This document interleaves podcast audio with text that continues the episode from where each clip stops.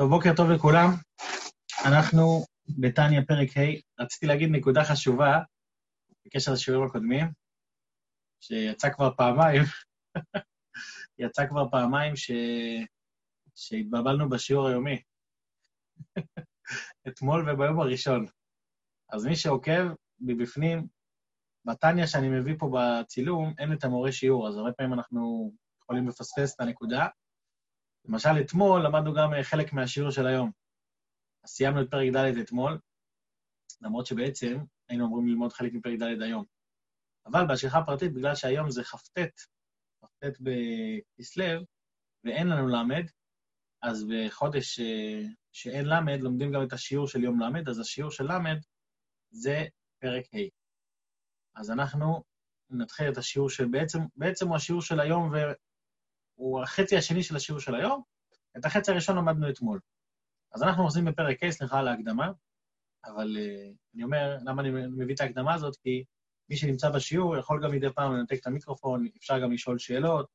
זה, הסגנון של השיעור, כמו שאמרתי בהתחלה, זה יותר אה, חברות על לימוד ביחד. אז אם uh, לא מבינים משהו, או אם רוצים לחדד משהו, כמובן במסגרת הזמן הקצר של השיעור, לא עכשיו uh, דיוקים ודברים עמוקים, אלא בעיקר להבנה של הפשט, אז אפשר כמובן להתערב תוך כדי. אוקיי, אנחנו בפרק ה', חשוב תמיד תמיד כשמתחילים פרק חדש, לשים לב איפה הוא נמצא ב... ב... בשושלת של הפרקים. זאת אומרת, אה, פרק א', התחלנו את ההגדרות של מה זה בינוני, רשע וצדיק. לא, לא התחלנו את ההגדרה, אלא פשוט להבין שאנחנו לא מבינים. בסוף פרק א' הוא התחיל לדבר על נפש הבעמית, אחר כך הוא חתך מנפש הבעמית והתחיל בפרק ב' לדבר על נפש אלוקית.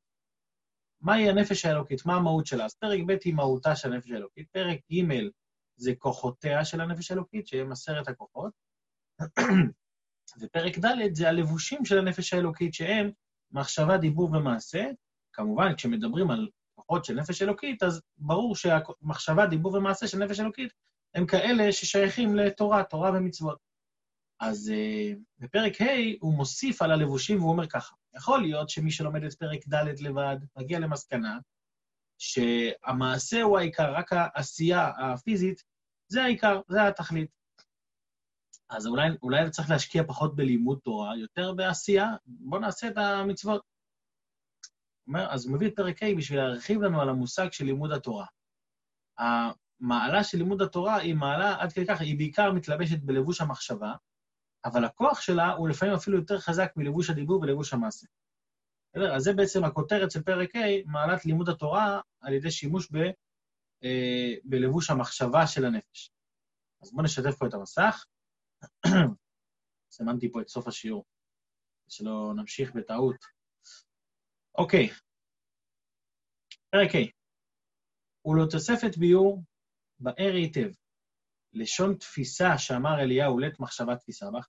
אמרנו בפרק הקודם שהדרך היחידה להתחבר לקדוש ברוך הוא היא על ידי קיום מצוותיו ולימוד תורתו, כי זה הדרך שהוא נתן לנו כדי שאנחנו נוכל להתחבר אליו.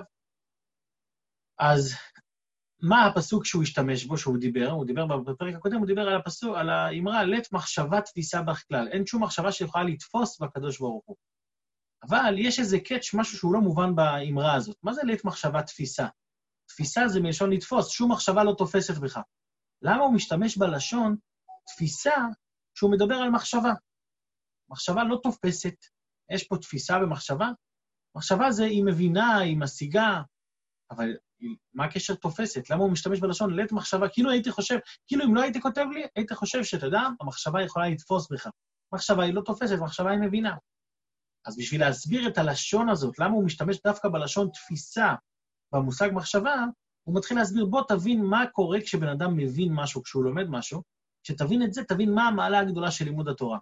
במילה אחת, החיבור שיש לאדם עם משהו שהוא לומד כשהוא מפעיל את השכל, את המחשבה שלו, הוא חיבור הרבה יותר חזק מכשאתה, מכשאתה עושה מעשה מסוים. למה? כי כשאני, שוב, אני במילה אחת, אני אומר את הכותרת, כשאני עושה מעשה, אני, אני עכשיו uh, תופר בגד, סיימתי לתפור את הבגד, יכול להיות שהיה לי בזה תענוג מאוד מאוד גדול. הבגד עכשיו ממשיך להתקיים, אני הולך הלאה, אני ממשיך הלאה. אפילו אכלתי משהו, אכלתי, uh, אכלתי תפוח, נהניתי מהתפוח, סיימתי. אבל כשאני לומד משהו וכשאני מבין אותו, אז הוא מתעצם במוח שלי. עכשיו יש לי חתיכה במוח, כביכול חתיכה, כן? חתיכה במוח שעכשיו היא נמצאת שם כל הזמן. זה, זה מראה עד כמה ההשפעה של המחשבה עלינו, על הנפש שלנו, היא כל כך חזקה. ולכן מאוד מאוד חשוב מה אני מכניס בראש, לא רק מה אני מכניס בפה, בבטן, אלא מה אני מכניס בראש. מה שאני אכניס בראש הוא נשאר שם, לעולם ועד. במוקדם או במאוחר אני אזכר בזה. מכאן חשיבותו הגדולה. אז בואו נראה איך שהוא אומר את זה במילים שלו, אדמו"ר הזקן. אני כאן, הנה. הנה, כל שכל, כשמשכיל הוא משיג בשכלו איזה מושכל. כן, אני, עם השכל שלי תופס איזשהו דבר הבנה, דבר, ש... דבר מושכל. הרי השכל תופס את המושכל ומקיפו בשכלו. למה הוא משתמש בלשון תופס? כי מה זה תפיסה? אני תופס את הדבר מכל הכיוונים. אז כשאני לומד משהו מסוים, השכל שלי כאילו מתלבש על הדבר שאותו אני לומד, והוא מקיף אותו. איפה הוא מקיף אותו? בשכלו. מקיפו בשכלו. והמושכל, מה קורה עם המושכל? נתפס ומוקף ומלובש בתוך השכל שהשיגו והשכילו. זאת אומרת, זה מגיע משני הצדדים. יש לנו מצד אחד, השכל תופס את המושכל, מצד שני, המושכל נמצא בתוך השכל, יש פה איזשהו חיבור משני הצדדים. אבל זה לא רק זה.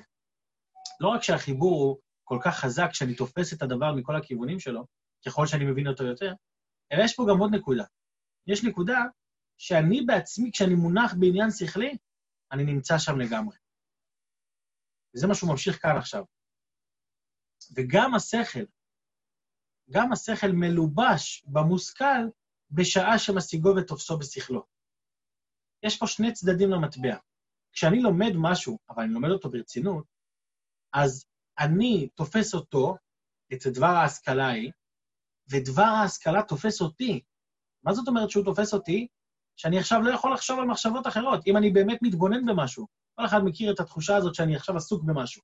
אני מתכונן למבחן, ואני מתכונן למבחן לא חודש לפני, אלא שעה לפני. שאז אין לי שום דבר בראש חוץ מהחומר של המבחן. אז אני מונח בו, אני, אני, אני, רק, אני רק נמצא שם. זאת אומרת, לא רק שאני תופס אותו, אלא הוא תופס אותי. זה אגב, הרבה פעמים אומרים שכשיש לאדם מחשבה לא טובה והוא רוצה להסיח את דעתו, אז אחד מה, מה, מהעצות שאומרים, תחשוב על משהו אחר. למה? כי כשאתה תהיה מונח במשהו אחר, באופן טבעי המחשבה הזאת תיעלם ממך. אותו דבר, אז אומרים ככה, כשבן אדם לומד משהו, אם אתה לומד אותו ברצינות, אתה נהיה, זה נהיה חלק ממך. ואם זה נהיה חלק ממך, אז אתה, אתה מונח בזה עכשיו, אתה לא יכול לראות שום דבר אחר. אתה רק בדבר ההשכלה שאותו אתה לומד. אז זה, זה הפירוש שגם, ש, שגם השכל תופס את המושכל, אבל גם, אה, גם, הרי שכלו תופס ומקיף אותה. סליחה, סליחה, פה. וגם השכל מלובש במושכל. זאת אומרת שהמושכל תופס את השכל. מובן עד כאן זה שני הצדדים של ההשגה השכלית. אז הוא מביא לזה משל. דרך משל, כמובן בגלל שהוא מדבר על ליבוש המחשבה של נפש האלוקית, אז הוא מביא משל מלימוד תורה.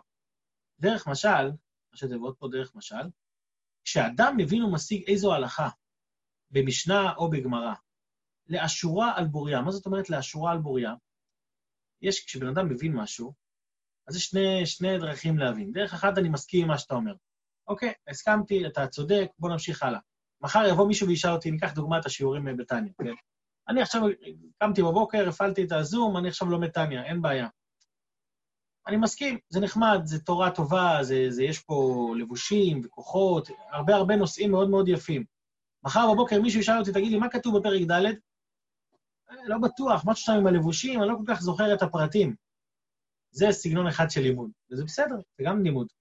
אבל יש סגנון אחר, שאני לומד את זה, ואני בעצמי מבין את הדבר. זאת אומרת, אני לא לומד את זה רק כי אני שומע שיעור ואני נהנה, אלא אני אחר כך פותח את הספר.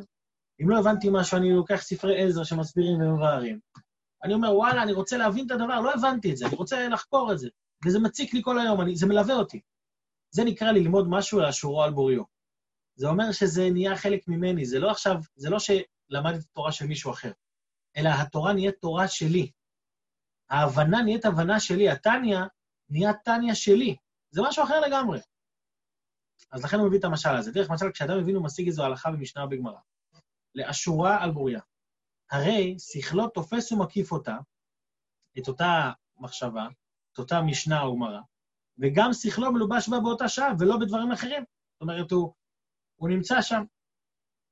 עכשיו, בגלל שזה כל כך חזק, או כמו שאמרתי, הקדמתי קודם, כשאני מבין את הדבר זה עניין שלי. ברגע שזה עניין שלי, ההוכחה לזה זה שאני יכול לחזור על זה בכל מקום. אפשר, אפשר לראות דוגמה, כן, אה, יש סטודנטים, נגיד, שלומדים פיזיקה. אתה מדבר איתם עכשיו באמצע שיעור ברביעי לבבי או משהו כזה, אתה מדבר איתם ברביעי לבבי או משהו כזה, ופתאום, תוך כדי השיעור, הוא, הוא, ישפוך, הוא ישפוך לך את הפיזיקה שלו. הוא יתחיל להסביר לך את המושגים, ואיך האור ולא אור וכן אור. זה דוגמה לאחד, כן, מי שיבוא מבין למי אני מתכוון. דוגמה לאחד כזה שה, שהשכל שהוא לומד, ההשכלה שהוא לומד, נהיית חלק ממנו. הוא לא רק מקשיב למרצים, אלא הוא בעצמו מתעצם עם העניין. זה, זה גם לפעמים נותן לו את, ה, את היכולת גם להגיד, שמע, המרצה הזה לא צודק. למה? כי הוא, כי הוא מבין את הדבר בעצמו, הוא לא רק, לא רק מקשיב למה שהמרצה אומר. אז, כשבן, אז מה קורה בעצם כשבן אדם לומד? הוא מתחבר ומתעצם עם השכל. זה נהיה, כמו שאמרתי בהתחלה, זה נהיה חתיכה במוח שלו. זה חלק ממנו. זה לא נפרד ממנו. בשונה ממצווה שעשיתי... אתה להגיד משהו? אה, באתי להגיד משהו. אה, סתם שאני חושבת שזה לא כזה... לא, אחר כך אמרתי לעצמי שאתה לא אמרת שזה חד משמעי. אני אגיד לך מה. בהתחלה נתת את הדוגמה הראשונה של כאילו, אוקיי, זה נחמד וזה, יוצא לי בבוקר ללמוד טניה וזה כיף, אז, אה, אז אני פותחת, ואני לא באה כאילו בשביל באמת ללמוד, אלא כאילו כזה, מה שאמרת בהתחלה.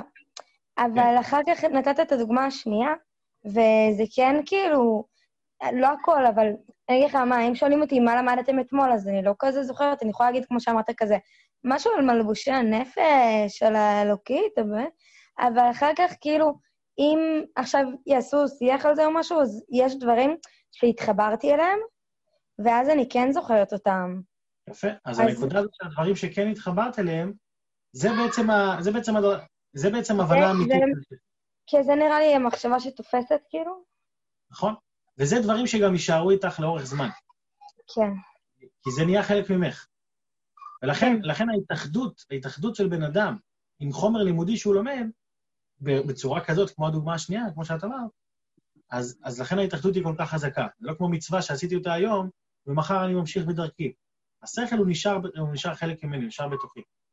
האמת שגם כאילו על עשיית מצוות, אז אני יכולה כאילו להשוות את זה להקניית הרגלים, שנגיד, אם בא לי לעשות הרגל שהוא מעשה כלשהו, אז אני לפחות מתחילה בלעשות אותו פיזית, ומתי זה הופך להיות הרגל לפי מה ששמתי לב אצלי?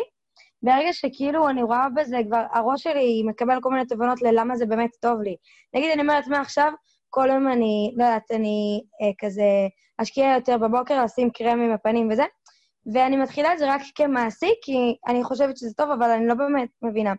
ואז אני עושה את זה במשך כמה ימים, וכל בוקר אני כזה אומרת, וואי, זה גם אה, נותן לי יותר זמן לזה, כאילו נכון, יש לי כל מיני מחשבות. זה מה שדיברנו אתמול, שמעשה, בסופו של דבר, הכוח של מעשה, של למרות שזה לבוש חיצוני, שהוא משנה גם את הפנימיות. כן. זה לא, לא, לא, לא ממעיטים מהדבר הזה. כן. בכל אופן, אני רואה, אני רואה שאת התעצמת עם הלימוד של חינוך, הקניית הרגלים וזה, אז רואים שהלימוד אה, חלק ממך. טוב, בכל אופן, בואו נמשיך. והנה, אני ממשיך פה בשורה האחרונה. יישר כוח. והנה, הלכה זו היא חוכמתו ורצונו של הקדוש ברוך הוא. כשאני לומד משנה או גמרא או תורה, זה חוכמתו ורצונו של הקדוש ברוך הוא, שעלה ברצונו, זאת אומרת שכשאני לומד תורה, כשאני לומד דבר הלכה מסוים, עלה ברצונו של הקדוש ברוך הוא שכשיטעון ראובן כך וכך, דרך משל, ושמעון כך וכך, יש פה דיון בין שני אנשים. אז מה יהיה הפסק? הפסק ביניהם יהיה כך וכך. זאת אומרת, כשאני לומד איזושהי משנה בתורה, מה אחד טוען, מה השני טוען, ומה יהיה הפסק, אז זה דבר השם, זה רצונו של הקדוש ברוך הוא. הרצון הזה יתעצם איתי. וכאן הוא מוסיף משפט חזק. ואף אם לא היה ולא יהיה הדבר הזה לעולם. זה, זה, זה דבר שהוא תיאורטי לגמרי, לבוא למשפט על טענות ותביעות אלו. אומרים שאחד מהדברים בתורה, יש מושג שנקרא בן סורר ומורה, שיש לו כל כך הרבה הלכות, שבשביל לקיים אותם צריך להיות גאון גדול, וגם זה בתקופת זמן מאוד מאוד קצרה. אבל בכל אופן זה נכתב בתורה, וכשאני לומד את ההלכות האלה, את, את, את התורה הזאת, אז אפילו שזה תיאורטי, לא היה ולא יהיה הדבר הזה לעולם לבוא למשפט על טענות ותביעות אלו, מכל מקום, מאחר שכך עלה ברצונו וחוכמתו של הקדוש ברוך הוא. מה עלה ברצונו? שאם יטעון זה כך, אם, אפילו שזה תיאורטי, זה כך וזה כך, יהיה הפסק כך, הרי כשאדם יודע, הוא משיג בשכלו. פסק זה כהלכה ערוכה במשנה, או גמרא או פוסקים, הרי זה משיג ותופס בשיח... הוא מקיף, או שלושה הגדרות, משיג, תופס ומקיף, זה ממש מכל הכיוונים, בשכלו, את מה הוא תופס? את רצונו וחוכמתו של הקדוש ברוך הוא, שאומנם לית מחשבה, תפיסה בכלל, זאת אומרת, אין שום מחשבה שיכולה לתפוס אותו, ולא ברצונו וחוכמתו, אבל איך כן אפשר לתפוס אותו? כי אם בהתלבשותם בהלכות האורחות לפנינו. למה? כי בשיעור הקודם כבר דיברנו על זה, שהוא הגביל את עצמו ושם את עצמו בתוך התורה שהוא נותן. אז כשאני לומד את התורה שהוא נותן, אפילו שזה נשמע דברים טכניים, אני, ההוא מתווכח איתו וההוא אומר לו ככה, זה, זה כאילו משהו מאוד טכני, אבל הדבר הטכני הזה זה רצונו של חוכמתו של הקדוש ברוך הוא, ששום דבר לא יכול לתפוס אותו, אבל הוא שם את עצמו בתוך התורה. כי אם בהתלבשותם בהלכות האורחות לפנינו. וגם שכלו מלובש בהם. זאת אומרת, כשאני לומד תורה, אני גם תופס כביכול את הקדוש ברוך הוא בעצמו, שנמצא בתוך התורה, וגם הקדוש ברוך הוא תופס אותי. למה? כי השכל שלי עכשיו מונח בלימוד תורה, ולא בדברים אחרים. וגם שכלו מלובש בהם. והדבר הזה הוא ייחוד נפלא שאין ייחוד כמוהו. הייחוד הזה, החיבור הזה בין, ה... בין השכל שלי לשכל האלוקי, שקורה בשעת לימוד התורה, זה ייחוד שאין ייחוד כמוהו. אפילו בעשייה לא י... שום דבר לא יגיע ולא ישווה לכזה ייחוד. ולא כערכו נמצא כלל בגשמיות. מה? להיות לאחדים ומיוחדים ממש. כל דבר שאני עושה הוא חיצוני לי. בלימוד התורה זה נהיה פנימי לי, זה נהיה מחובר ברמה כזאת שאי אפשר להפריד ביניהם. ומיוחדים, להיות לאחדים ומיוחדים ממש, מכל צד ופינה. אז זה המעלה בלימוד, בן אדם אומר, מה אני לומד תורה, אני לא מרגיש שאני עושה משהו. הפוך, דווקא לימוד תורה הוא הדבר שהכי הכי נשאר בתוכנו, כי ככל שאני אבין יותר ויעמיק יותר, אז האלוקות נמצאת אצלי חלק ממני, היא לא דבר נפרד ממני. זה לא שאני עושה משהו והולך הביתה, אלא זה, זה ממש חלק ממני. אז uh, עד כאן השיעור של היום. מאחל לכולם שבאמת כש, כשנלמד, שנשקיע בלימוד התורה, ועצם הלימוד גם יגרום לאחדות הזו, לאחדות שלנו יחד עם אלוקים, שזה נהיה חלק מאיתנו ושזה לא ייפרד מאיתנו. שיהיה יום מקסים לכולם, יום נפלא, יישר כוח לכל מי שיגיע וכל מי שיגיע. בשורות טובות. תודה רבה, יישר כוח.